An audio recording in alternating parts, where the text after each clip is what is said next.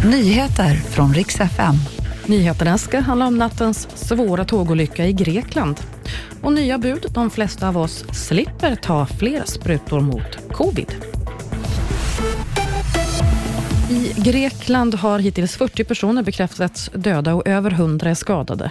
Räddningsarbetet det pågår fortfarande efter nattens svåra tågolycka där ett persontåg och ett godståg frontalkrockade.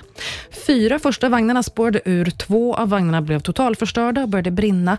Sökandet på platsen fortsätter efter personer som kan vara instängda i tåget. Och nu kommer nya restriktioner för covid-vaccin. De nya buden är att från och med idag, för friska personer i Sverige mellan 18 och 49 år, så behövs det inga fler påfyllnadsdoser. Om man är över 50 år däremot, så ska man fortsätta fylla på sitt vaccin. Vi andra däremot är färdiga, ser det ut som nu i alla fall, tills vi får något nytt bud kanske. Vi ska avsluta med Justin Bieber. Han tvingas nämligen ställa in sin kommande världsturné.